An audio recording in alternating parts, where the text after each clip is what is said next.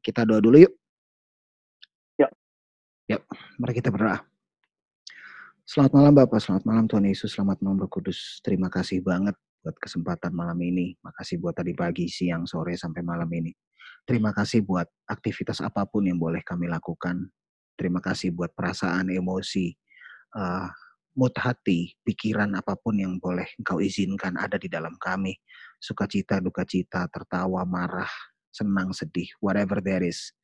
We grateful for that. Terima kasih kalau kami boleh mengalami dan merasakan apa yang sudah Engkau berikan buat kami pada hari ini. Thank you banget Bapak. Kami akan mulai session fellowship ini Tuhan. Uh, kami nggak mau ngomongin apa pun kecuali ngomongin Engkau dan yang kami pengen justru untuk Engkau yang berbicara. Biarlah Engkau yang curhat Tuhan. Biarlah Engkau yang curahkan isi pikiranmu dan isi perasaanmu. Buat kami, uh, kami nggak tahu kami mau ngomongin apa, tapi satu hal yang pasti Tuhan, kami pengen dengar isi hatimu. Kami pengen dengar isi pikiranmu. So, just do what you have to do, Lord. Uh, do what you gotta do. Uh, ini kami. Uh, kami ada di sini semua hanya oleh karena kehendakmu, oleh karena misimu, oleh karena uh, your divine, oleh karena kedaulatanmu Tuhan. So, kami mengundang Engkau untuk menguasai kami dari dalam keluar, luar ke dalam. Uh, apa pikiran kami, apa hati kami, bukan you gotta do Tuhan. Potong apa yang perlu Engkau potong, tumbuhkan apa yang perlu Engkau tumbuhkan Tuhan. Dan kami akan menikmati waktu kami bersamamu. Makasih banget Bapak. Dari sesi ini awal sampai nanti selesai kami serahkan sepenuhnya ke dalam tangan pengasihanmu. Biar kerajaanmu, biar karaktermu, kepribadianmu, pikiranmu, perasaanmu, visi misimu yang jadi. Thank you banget Bapak. Hanya di dalam nama Juru Selamat kami yang hidup, Raja di atas segala Raja, Tuhan Yesus Kristus. Nama di atas segala nama kami berdoa dan mengucap syukur. Amin. Oke, okay, teman-teman, uh, boleh di uh, kalau mau di mute semua, biar nggak uh, terlalu apa bandwidthnya nggak terlalu banyak kepake. Gitu. Oke. Okay. Eh, gimana sih caranya nih? Pin video. Oke. Okay. Oke, okay, Rat. Jerat, ke mana tuh, Rat?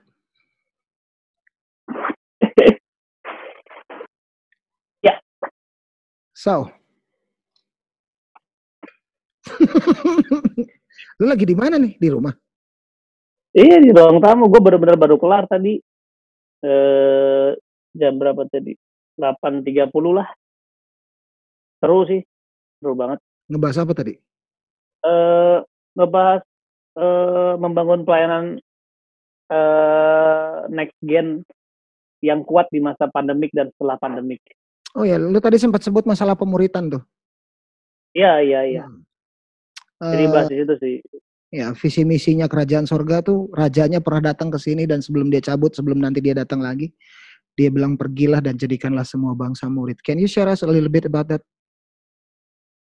Iya, memang ya, kebetulan bukan kebetulan sih ya. Jadi gue bertobat 2007 itu, gue nggak ngerti apa-apa. Gue cuman gue berjumpa dengan Tuhan sih isinya gitu ya hmm. karena uh, itu dasar menurut gue yes. sebelum pemuritan itu dasar dulu kan yeah. Yeah. jadi uh, waktu gue apa namanya ya pacar gue hamil hari itu terus hmm. hidup gue udah hancur parah deh hmm. nah masalahnya emang dari dulu udah hancur cuman dulu kan hancur keren maksudnya semakin kita hancur tuh orang tuh segen cool, gitu. semakin terus semakin cool, gitu.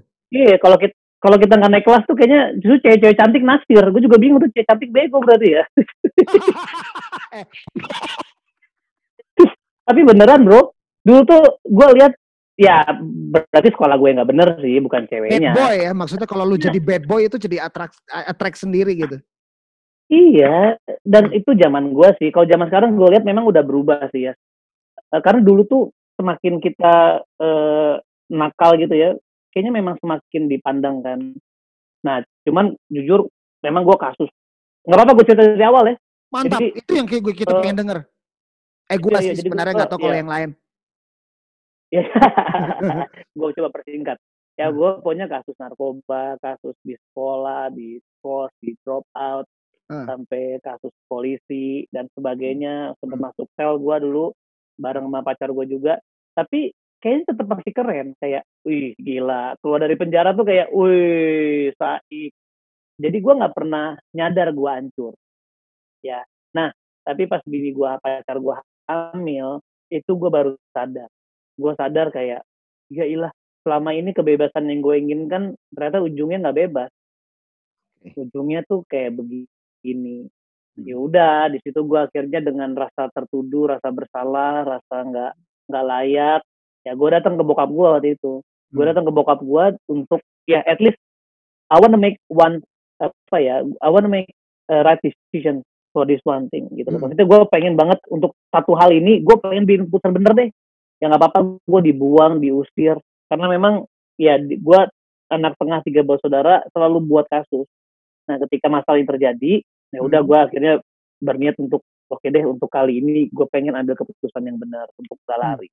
Ya gue bikin lah sama bokap. Nah cuman yang yang gue dapetin dari bokap justru ya sebaliknya yang harusnya gue pikirkan dihakimi, di apalah, dipukul, diusir, tapi malah yang gue terima tuh malah eh, penerimaan Hmm. dan gak hanya penerimaan tapi janji. Bokap gue ngomong gini, sampai kapan pun kamu tetap anak papa. Pokoknya lu mau dosa lagi besok, lu tetap anak gue. Bahkan dia sempat bilang perkataan yang agak aneh, yang gue sadari itu kayak Tuhan naruh perkataannya di lidah bokap gue saat itu. Karena dia ngomong gini, kalaupun lu besok jatuh lagi, gue tanggung dosa lu. Men, jujur Wow. gue gak pernah gereja bro. Gue kalau gereja di luar selalu sambil ngerokok. Ya, jadi gue gak pernah dengar khotbah. Nah, tapi waktu dia ngomong tuh something catch my heart. Ya. Tiba-tiba ada sesuatu yang bikin gue yang gak percaya Tuhan ini jadi bertanya-tanya. Tuhan ada kayaknya nih. Tapi gambarannya dalam bentuk tadi perasaan itu. Nah, Hmm. jujur gue dari beberapa narkoba yang gue pakai, rasa itu cukup ada di situ. Artinya ketika bokap gue bilang itu kata-kata yang eh, dalam gambaran kasih dia itu, gue tiba-tiba eh, jadi seperti kayak eh, bengong, bingung, takut, tapi ngerasa dicintai, bingung tapi yakin, terus eh, takut tapi ngerasa dipeluk. Nah perasaan itu kayak bertabrakan. Nah malamnya gue berjumpa bro, malamnya tuh gue lagi tidur, bener-bener tuh kayak dia tuh hadir kayak zut gitu loh, bener-bener kayak palunya Thor itu ngehajar gue punya hidup. Bener ya kan, Captain Amerika aja nggak bisa ngangkat. Gue lagi tidur, emang, emang hari itu gue tinggal bareng sama bini gue, ya jangan dicontoh ya. Jadi eh, waktu gue tidur lima menit, gue bangun teriak bro, teriak nangis kayak, "Uh, nangis. Nah, gue ngucapin dua kalimat yang ajaib. Kalimat pertama adalah Tuhan, aku minta ampun. Yang kedua, Tuhan, aku mau serahin hidupku sama Tuhan. Men, itu kata-kata dari mana? Nice. Yes. Kata-kata dari mana? Makanya jujur, memang setelah itu proses. Ya, gue jatuh bangun, ngalamin gak enak. Tapi ini bukan kesombongan, tapi lebih keyakinan sih. Gue percaya kayak there's nothing makes me think that there is no God. Karena steril itu gue ngalamin dia. Masalah gue kecewa sama dia, ya, ya at least gue tahu gue kecewa karena he, he is exist. Karena dia ada. Ya karena gue nggak dewasa, gue kecewa, gue marah, gue ngambek, gue berusaha jadi bos, dia jadi pelayan gue. Tapi at least gue tahu dia ada. Gitu. Nah dari situlah proses perjalanan gue ya sampai jujur ya gue kan pekerjaan waktu itu DJ ya. Terus penghasilan tuh cuman eh, satu setengah juta per bulan lah waktu itu. Dan gue harus nikah. Nikah pakai apa? Pakai turntable nikahnya. Kalau bisa Gua- seru loh. oh seru kalau bisa ya kan. Bisa nah seru. jujur eh, jujur hari itu gue langsung eh, mau pamit ke bokapnya nah bokapnya itu dia adalah eh, kepala BI which is kelasnya udah kayak gubernur ya di Manado. Gue terbang ke sana mau kasih tahu bahwa gue pengen nikahin anak lo karena salah satunya adalah karena dia mengandung gitu. Nah terus nah ini yang menarik bro. Hmm. makanya sebenarnya eh, Tuhan itu harusnya bukan sekedar bisa dipercaya ya tapi bisa dirasa ya. Benar-benar bisa diyakini Alami. dengan perasaan mendalam iya. Nah jujur bokapnya itu kepala BI lulusan Washington S2 dia pejabat negara yang menurut gue sangat sangat pinter. Dia, dia ahli keuangan dan dia pegang pistol. Memang preman. Tadinya preman. Hmm. sebelum bertobat dia preman. Yang yang pegang pistolnya agak-agak ini ya. Nah, Jadi yang tadi, yang tadi disebut-sebut dia ini, dia ini, oke, okay, oke, okay, oke, okay, dia pegang pistol, oh, oh. Nah, yang itu kayaknya perlu catatan lebih deh yang itu. itu oh, oh. Nah, soalnya ada yang datang ngomong, saya hamilin anak bapak, saya mau kawinin. Nah, itu kan. Nah, nah, nah, waktu gua ngomong gitu, bokapnya nanya gini, oke, okay, what is your plan? Nah, men, ini pengalaman kedua gue ngalamin Tuhan. Jujur, yeah. hari itu gue nggak ada ketakutan. Hari itu gue cuma ada keyakinan karena memang dua minggu setelah gue ngalamin Tuhan, gue langsung pergi ke Manado. Jadi perjumpaan gue sama Tuhan tuh kayak apa ya, unexplainable, tapi juga undeniable, ya. Jadi nggak bisa diutarakan, tapi nggak bisa juga didinai. Ya. Iya, itu rasanya kayak waduh gila sih. Nah, terus gue kayak mikir kan, what is my plan ya? Terus tiba-tiba gue jawab gini, Om, honestly I don't have any plan. itu pistolnya bentar lagi cabut tuh. Nah, terus? Nah itu dia bro. Hmm. Tapi justru jawaban gue itu yang membuat dia berpikir. Nah, waktu gue bilang I don't have any plan, gue bersaksi bro. Ini kesaksian gue pertama waktu gue bertobat di depan bokapnya. Jadi gue bilang om sejujurnya I don't have any plan and I'm sorry for don't have any plan. Gua gua juga pekerjaan cuman uh, ya begini, gue di drop out dari kuliah, gue nggak punya apa-apa, tapi gue ceritain. Tapi om, aku punya satu keyakinan bahwa aku akan bawa keluarga ini ke Tuhan. Uh, uh, maksudnya gimana? Ya gue ceritain. Dua minggu lalu gue ngomong sama bokap, terus bokap gue kayak menerima gue, So basically I'm preaching the gospel bro di situ bro. Nice. Basically gue bilang gue diterima, gue dicintai dan di situ bokap bokapnya cuma bilang oke, okay, then just pray. If God approve it, I will approve it. Oh gila tuh. Pistol ya jatuh udah. Pistol jatuh bro. Nah, puji Tuhan bokap Jana juga baru bertobat di situ. Jadi Aduh. ya dari situlah proses. Nah, men lu tau nggak dari situ gue punya hati langsung gini gue pengen sharing ini ke semua orang ah. itu itu itu perasaan yang gue nggak bisa pungkiri. Langsung lah. Ya memang proses. Ya ada proses di mana gue bisnis bisnis bangkrut terus Tuhan kasih mujizatnya dan gue semakin yakin. Tapi perasaan untuk bersaksi itu terus bro. Dan gue bersaksi ya sambil dengan kehidupan ngerokok ambil mabuk itunya masih ada. Jadi jadi perjumpaannya real tapi uh, apa pergumulan gue juga real. Jadi gue nggak langsung berubah dan gue nggak gue nggak ngerasa gue harus berubah juga hari itu yang gue yakin cuman Yesus ada Tuhan ada and I wanna I wanna share about my story dengan dia and that's udah akhirnya gue abis nge DJ abis nge DJ gue ngobrol gue share tentang Tuhan ya di anjing-anjingin lah pasti pertama-tama kayak apa sih lo tai lo lo ngasih gue narkoba sekarang lo ngomongin Tuhan gitu kan nah jujur abis itu jalan terus, jalan terus, jalan terus, jalan terus. Nah ini yang menarik. People keep coming. Ya orang itu datang ngomongin Tuhan, nangis bro. Itu bisa ambil ngerokok, bisa ambil nangis. Ya. Jadi ternyata Tuhan Tuhan nggak kelilipan ya kena seprokok. Gue yakin banget dia nggak kelilipan. dia kelilipan nggak? Dia kelilipan sama agamawi bro. Nah, nah. Terus abis itu jujur dia Terus abis itu gue nggak bilang ini benar, tapi Tuhan itu izinkan kita mengalami proses uh, pendewasaan.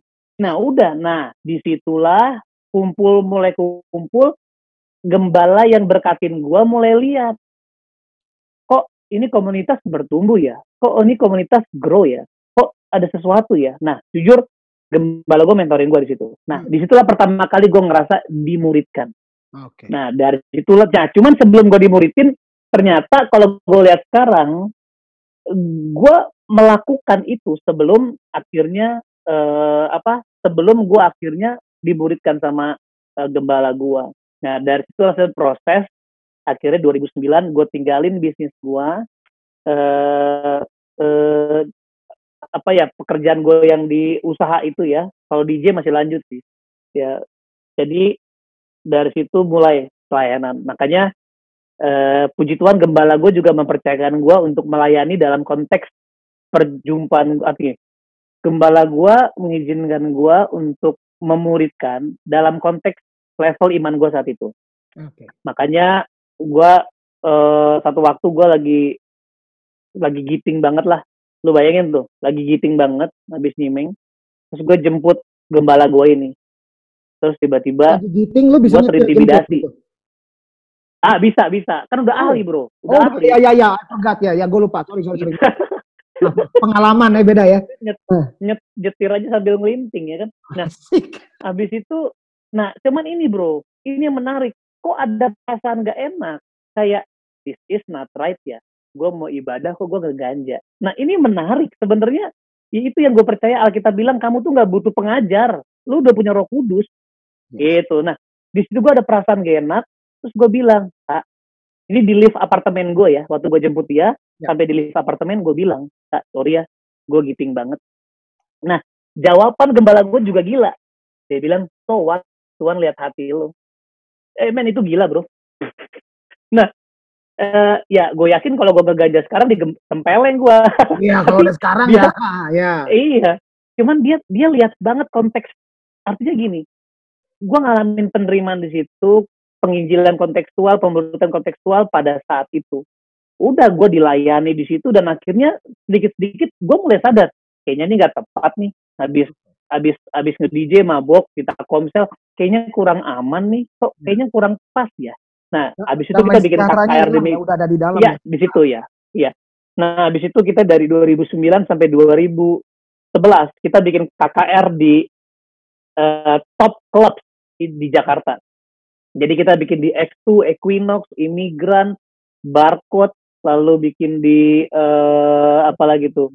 Di eh, ya X2 kita bikin. Jadi kita bikin acara klub karena gue DJ kan. Gue cuma ngertinya adalah ya bikin acara. Ya. Jadi bikin acara, terus eh, minuman dibuka lah, lalu a- pertama-tama asbak diumpetin, tapi lama-lama enggak, asbak ditaruh, minuman dibuka, terserah lu mau minum. Nah, habis nge-DJ, terus ada yang kesaksian, ada yang khotbah, main altar call, pecah bro, pecah banget. Dan makanya waktu itu komsel kita bertumbuh dari 1 sampai 38 dalam waktu 14 bulan. Dan itu isi komselnya bukan komsel yang gini. Oke, lu di daerah mana? Jakarta. Iya, yuk kumpul mana ke Jakarta. Lu di mana? Enggak. Benar-benar dari satu berbuah, dari dua berbuah, berbuah karena kerinduan untuk membangun komunitas. Ya. Karena mereka menemukan Tuhan. Amin. Mereka nemuin Tuhan di situ. Dan bayar, gue mau khotbah apa bro? Gue nggak bisa khotbah. Hmm. Gue cuman bisa, gue cuman bisa cerita tentang Tuhan. Terus apa ya? Ya gue coba bahas aja apa yang gue tahu di Alkitab, gue sampaikan.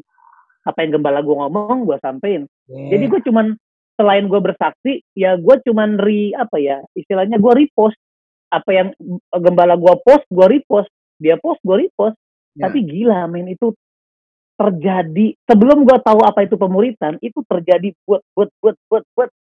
Nah, natural ya habis itu baru gue mulai belajar strategi pemuritan, gue mulai jadi gembala youth, gue mulai belajar organisasi dari 38 turun 35, turun 30, turun 25, turun 20, 35 bro. Gitu, jadi di situ gue mulai mati karena gue mulai pakai agenda, gue mulai pakai cara gue nggak mengizinkan Tuhan Roh Kudus bekerja di situ. Nah, memang ya pendewasaan terjadi yang tadinya mulai yang tadinya narkoba mulai berhenti dan sebagainya. Tapi pas gue jadi youth pastor memang gue mendadak jadi agamawi bro. Gue mulai eh, eh kayaknya jangan gitu dong. Kan kita udah berubah. Jadi anak-anak yang rokok, nah gue mulai mulai gak nyaman sama orang yang anak baru yang rokok, anak baru yang masih minum. Gue mulai seperti kayak eh, ada perasaan itulah kayak, eh jangan gitu dong, nanti gereja kita gimana? Nanti dilihat orang gimana? Ya. Terus mulai fokus ke bangku, eh mana nih? Kok kita sepi? Gitu. Akhirnya gue mulai nggak personal lagi.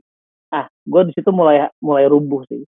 Gitu. Nah itu sebenarnya tahap kedua di mana gue mulai ngalamin peruntuhan. Akhirnya 2000 2013-14 mulai lagi tuh. Oh, berarti penting keterbukaan plus kekudusan di situ. Mulai jalanin tapi dengan dengan tuntunan Tuhan. Oke, tetap personal, terima orang apa adanya dan bangun supaya mereka jadi seperti Kristus. Ya, mulai mulai eh, apa namanya? mulai nggak mulai taruh standar di diri kita untuk jadi Kristus buat mereka, tuntun mereka pelan-pelan tanpa agenda untuk ngubahin mereka. Ya. Benar-benar simply to sow a seed, to give my life, dan kalau dia nggak terima, ya urusan dia sama Tuhan. Pokoknya tugas kita cuma nanam, ya. bangun, nanam, iya iya iya. Dan our Gitu ya udah. Ya itu proses lah sampai hari ini. Ya. Esensi itu yang kita bawa sekarang. Kalau tadinya cuma keterbukaan, penerimaan tanpa kekudusan, tanpa kebenaran. Lalu di kurva yang selanjutnya kita memperhatikan bahwa oh ternyata penting ada kekudusan, ada kebenaran. Lalu mulai masuk ke agamawi, oh kita mulai another level lagi. Oh ternyata memang kita harus mengizinkan ini harus harus apa ya? eh, kita nggak bisa taruh rules rules di tengah-tengah pemuritan ini harus benar-benar hubungan Hmm. ya hubungan dengan sebuah nilai-nilai Nah, Hmm. udahlah akhirnya ya berjalan di situ sampai sampai hari ini situ Bro, tadi like around seven minutes ago, is it if I'm not mistaken, like Ya. seven five minutes ago, tadi lu sempat keluarin satu, uh, lu sempat ngeluarin satu statement yang gua jadi bos Tuhan pembantu gua. Can you tell me that face? Karena uh, oke. banyak orang-orang yang buat gue ya, buat gue pribadi banyak orang banyak banget banyak banget orang yang attitude-nya seperti itu gitu. Yang attitude-nya jadi kayak uh, kalau boleh balik ke Bible attitude-nya kayak bukan boleh ya, balik balik ke Bible aja. Kalau Iya. kayak budak kayak orang Israel yang jal- udah keluar dari Mesir gitu. Di mereka udah keluar dari Mesir tapi attitude slave-nya tuh masih ada di situ. Uh, Iya. Kayak Tuhan jadi kayak harus jadi pembantu gitu loh. Lu mau bawa ke mana? Lu bawa ke sini kok mau bunuh gue apa? Ya sabar lah, tunggu kan laut nanti belah gitu. Uh, Iya. Mana makanan? Dapat mana? Lu dapat delivery roti tiap hari yang rasanya kayak madu turun dari Iya. langit selama 40 tahun kurang apa baju nggak dicuci mana daging gitu ngerti apa attitude-nya Iya, kayak iya. gitu nah yang Iya. yang yang entah gimana ya eh, itu kan cerita itu lumrah sekali loh itu sebenarnya loh kayak Iya. kayak kayak kayak, kayak kalau lu pernah ke gereja kalau lu pernah sekali minggu at least lu pernah dengar cerita tentang bangsa itu bangsa Israel keluar dari perbudakan di Mesir tolong Iya. jangan put emphasis-nya cuma di laut belah doang dong Iya. Kan laut belahnya tuh cuma nggak cuma berapa ber- nggak nyampe berapa tahun kan tapi mereka jalan di gurun Iya. 40 tahun. Dan kalau kelakuan lu kayak gitu tolong. Janji Tuhan tuh ya dan amin pasti iya. Tapi lu nggak masuk ke tanah perjanjian. Iya iya iya. Israel masuk ke tanah perjanjian. Di kitab Yosua kan dia udah bilang jelas-jelas tidak ada satupun janji Tuhan kepada Abraham, Ishak dan Yakub yang nggak di eh, nggak digenapi semua digenapi. Tapi dua juta setengah orang yang berangkat dari Mesir nggak ada satupun yang masuk kecuali Yosua sama Kaleb. Iya. gitu. Iya. Karena attitude-nya kayak Tuhan jadi kayak kan lu Tuhan kalau gue Iya. request kasih dong Iya. It- and it was like what? Lu Iya. tadi sempat ngomong gitu kalau gua bos Tuhan pembantu gua can you Iya. share a bit about that Iya. menurut gue itu mentalitas yang pasti kita semua alami karena Ya. nggak ada gua rasa satu orang pun yang datang sama Tuhan tanpa ke- ya dengan seluruhnya kemurnian kayak yes Tuhan gue mau datang sama lu I I don't want anything Lord. I don't want eh, apa healing. Gue nggak mau restoration. Gue mau gue mau benar-benar abandonment. Gue mau kasih semua sama Tuhan. Enggak. Nah itu proses di mana Proses, ya. memang eh, ya bukan ya itu kan budak di dalam diri kita tuh harus dibuang. Ya. itu itu pasti. Gue gua 20 tahun hidup dengan mi mi ini pas masuk ketemu Tuhan ya gue ngerasa dicintai tapi minyak harus dibuang. Nah itu keputusan lagi berjalan sama Tuhan. Dan jujur di situ memang gue nggak sepenuhnya kayak kayak oh gue jadi hidup seenaknya. Enggak. Tapi jadi kayak oke Tuhan this is my church. Ya ini pelayanan gue dan gue berdoa supaya lu berkati agenda gue lebih begitu.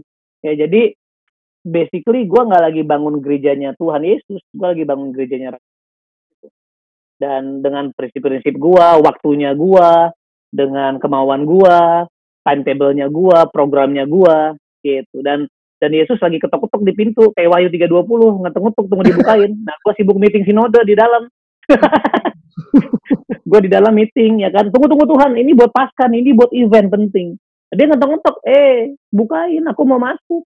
Gitu. Padahal kalau Yesus masuk dia yang akan bangun rumahnya bro ya. Karena sejujurnya gereja itu nggak dibangun oleh manusia. Gereja nggak dibangun nggak dibangun oleh strategi. Gereja nggak dibangun oleh pendeta senior program apalagi penatua dan juga program apalagi donatur apalagi Nah. donatur gereja dibangun oleh Yesus dia bilang Yes. gini di atas batu karang ini I will build my church nah yang menarik bro itu kata batu karang di bahasa Ibrani namanya Eben Hmm. nah Eben itu diambil dari dua kata kan Eb dan Ben Abah dan Ben. Jadi gereja dibangun atas hubungan anak sama bapak. Anak sama bapak ya. Nah, jadi bapak. bukan hamba sama Tuhan loh. Anak sama bapak, lu punya mentalitas anak nggak yang datang cuma bilang papa aku harus apa, papa aku bergantung sama Tuhan. Nah ini, nah masalah gini, kalau kita nggak bangun ini, kita nggak lagi bangun gereja bro, kita lagi bangun kita lagi bangun panti asuhan. Coba sekarang muncul banyaknya gereja eh, empat lima tahun lalu gereja bertambah dalam setahun 600 baru bro, sinode Nah, pertanyaannya itu gereja apa panti asuhan? Kenapa? Karena kalau gereja, gereja Tuhan akan menghasilkan anak-anak Tuhan yang yes. punya hati bapaknya. Ya. Tapi kalau panti asuhan cuma orang-orang yang punya kebutuhan, kebutuhan buat dicintai, kebutuhan untuk mi mi mi, perhatiin gua, layani gua, please berkatin gua, perhatiin ya. gua. Nah, itu kan mental anak yatim dan gereja nggak mungkin terbangun kayak begitu. Makanya kompetisi, ribut sana sini, gak dikasih pelayanan marah, yang itu pendeta lebih dekat sama ini dia kecewa, itu kan anak yatim, ya. Nah, tetapi gereja dibangun tuh atas dasar ini. Makanya jujur gue yatim waktu itu. Lord please, ya bless me. Bahkan gue jadi kontrol freak di rumah bro. Artinya di luar gue jadi hamba Tuhan yang jago. Khotbah, gue belajar baca buku supaya gue memang menarik perhatian jemaat. Supaya gue diterima lalu gue bener-bener uh, baik sama semua orang waduh gue selalu yes man yes man yes man gak apa-apa berdosa itu oke okay, Tuhan sayang sama lu kelihatannya baik tapi ada sebuah mental yatim bahwa gue pengen jadi pendeta yang disukai nah akhirnya banyak hal-hal yang gue nggak setuju gue bawanya ke rumah di rumah gue jadi ah. kasar di rumah gue jadi uh, penuntut di yeah. rumah gue jadi ya di rumah jadi pendeta padahal keluarga gue nggak butuh pendeta kan keluarga gue butuh bapak sama butuh suami. Butuh suami iya. iya. Akhirnya keluarga gue berantakan termasuk bini gue cabut. Ya bini gue akhirnya tinggalin gue. Nah itu pertobatan gue selanjutnya bahwa gue anak. Nah di situ bro, ini menarik. Waktu bini gue cabut, gue marah sama Tuhan. Gue pakai ayat bro. Tuh ya sedap. Oh. Marah sama marah sama Firman pakai ayat. Pakai ayat, pakai justifikasi. Nah, gue ya? bener-bener Iya, bener-bener marah. Gue bilang, Tuhan, gue kutip di Hagai kan. Kalau gue bangun rumah lo, harusnya kan lo bangun rumah gue. Loh, Alkitab bilang kan, kalau lo bangun rumah gue, gue akan bangun rumah lo. Yeah. Nah, itu kan mental yatim ya. Yeah. Uh, nah, jujur bro, ini, ini menariknya. Makanya, gue buat teman-teman yang dengar gini, marah sama Tuhan gak apa-apa. At, at least lu berhadapan sama Tuhan. Yes. Jangan ngomongin Tuhan di belakang. Mm -mm. Gitu. Lu kalau mau marah, ngomong sama Tuhan. Tuhan gue marah. Karena dia selalu denger lu dan dia bisa handle kemarahan lu. Amin. Yes. Gue lagi marah, gue lagi kesel. Tapi itu dia hati gue mau ke Tuhan. Nah, ini yang menarik. Terus Tuhan ngomong gini. Aku lagi bangun rumahku. Wow. Waduh. Karena ternyata selama itu. ini selesai. Ternyata selama ini gue lagi bangun rumah tuan. Gitu. Gue hmm. lagi bangun rumah gue, di mana gue jadi gembalanya, gue jadi kepalanya. Nah, makanya keluarga gue berantakan.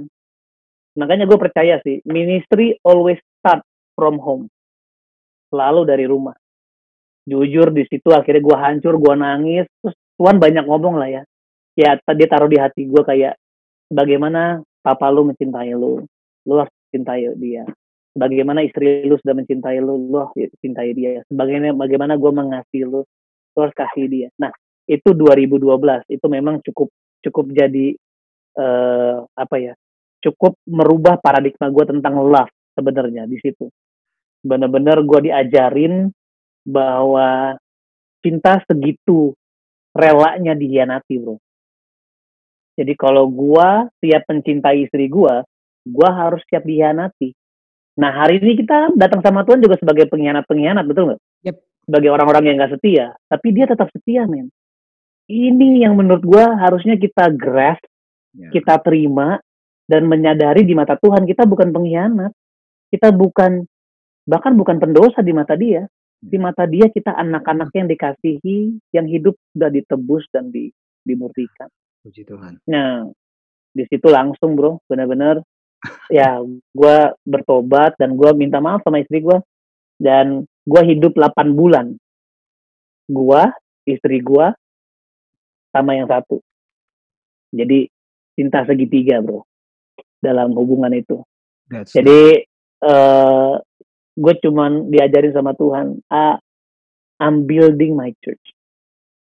Ya. Jadi gue lagi bangun rumah gue, pastiin lu siapin tempatnya, ya. pastiin lu jadi pengelola. Nah di situ mulai berubah dari gua tuan, dari gua bos, Ya. berubah gue sekarang pelayan, Ya. gue sekarang anak, gue sekarang murid, ya, ya gitu. Akhirnya eh, kita jalan, ya benar-benar bini gue masih ada hubungan sama orang itu, Hmm. dan itu itu eh, gue juga ngerasa dikasih kekuatan gila sih. Ya. bisa bisa jalannya itu, terus ya kelihatannya kayak nggak adil ya, kayak gila lo gue pelayanan, tapi di situlah Tuhan lagi ngebangun mentalitas gue untuk jadi anak. Anak itu bisa mengasihi kayak bapak mengasihi. Nah inilah rasanya lu disakiti, dikecewakan. Nah gue tuh kayak belajar perasaan Tuhan gitu bro. Kayak ketika eh, kita berdoa sama Tuhan, berdoanya sama Tuhan, tapi untuk keinginan-keinginan kita sendiri. Nah itu kayak gitu. Jadi bini gue tuh datang ke gue, ya gue nganterin dia ke ketemu sama cowok itu, bayangin. Eh, terus eh, berjalan sampai 8 bulan ya. Sampai akhirnya di bulan ke-6 dia dia mulai ya matanya kebuka. Dia bilang aku salah nih ya. Dalam hati gue dari dulu, gue tapi, Mana aja? tapi Tuhan Setengah tahun. iya. Tuhan izinin bro, itu itu gila sih. Tuhan izinin gue ngerasain mencintai yang gak dicintai. Nah, tapi justru gue ngerasain hatinya Tuhan. Gimana Tuhan mencintai orang-orang yang gak cinta sama dia.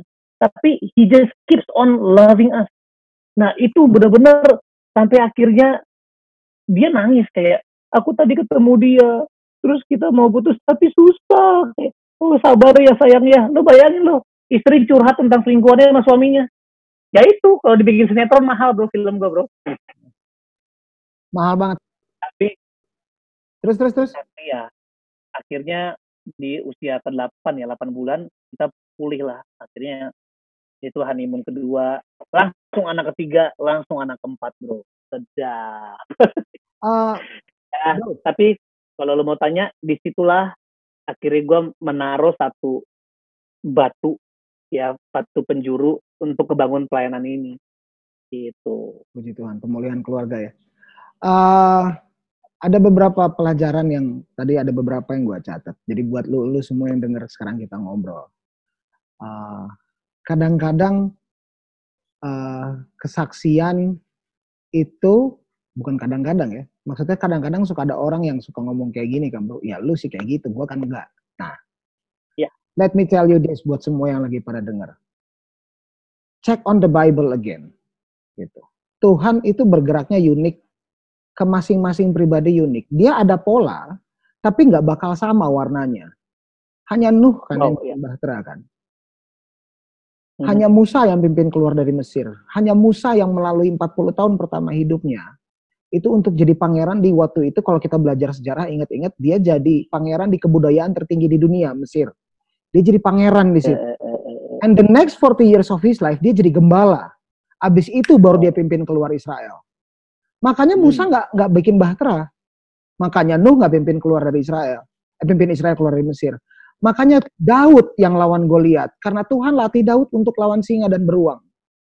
Ya. Daud nggak ngomong kan, kenapa lu nggak nyuruh gue untuk pimpin keluar dari Israel aja sih? Enggak, Daud nggak ngomong dan mungkin Daud juga nggak ngerti waktu waktu eh, waktu kenapa gue mesti lawan singa dan beruang gila susah banget gitu. Anak-anak yang lain tinggal di rumah, gue diusir keluar dan segala macam. It's not easy, God. It's not easy. Teriak-teriak. No, relax. You're in the right place sampai lu berhadapan dengan Goliat, lu baru tahu oh ini, come on oh ini gitu.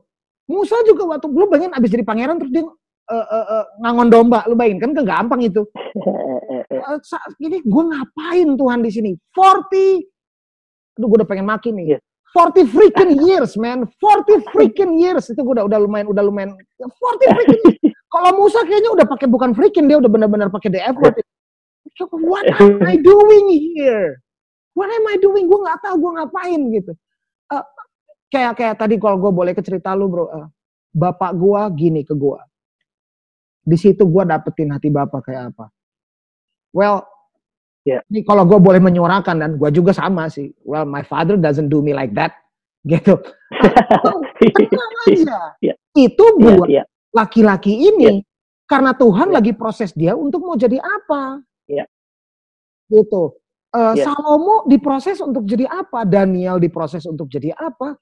Eh, Petrus Wow. diproses untuk jadi apa? Gua diproses untuk jadi apa? Iya. You cannot ca- copy paste that process enggak, tapi satu hal yang pasti, ini pasti lu Hmm. anaknya, Iya. lu anaknya. He cares for you.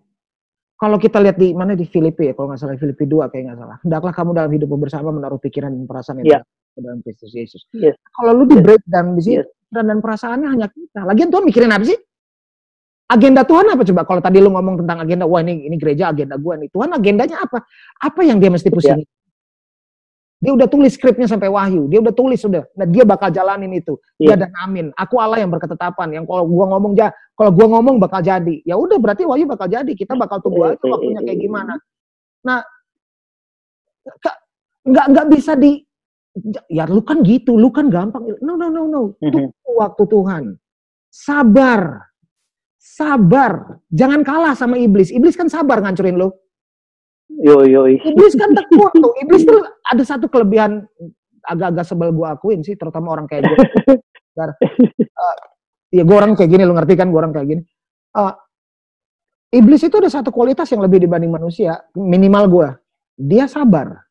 Dia tekun banget. Dia telaten, Hmm. pelan-pelan, dia rusakin nih orang dulu selama 10 tahun, 12 tahun, gambar diri dirusak, apa paradigma dirusak, nanti dia Iya. ketemu cewek atau dia ketemu cowok, kalau dia cewek dirusak, nanti berkeluarga, dari keluarga lahir turunan yang akan rusak dan dia nanti menuai yang namanya generasi yang meragukan Tuhan, mana Tuhan? Nah itu. Sabar, waktu Tuhan datang, tenang aja. Masalahnya gini, lu tahu nggak kalau Tuhan ada buat lo?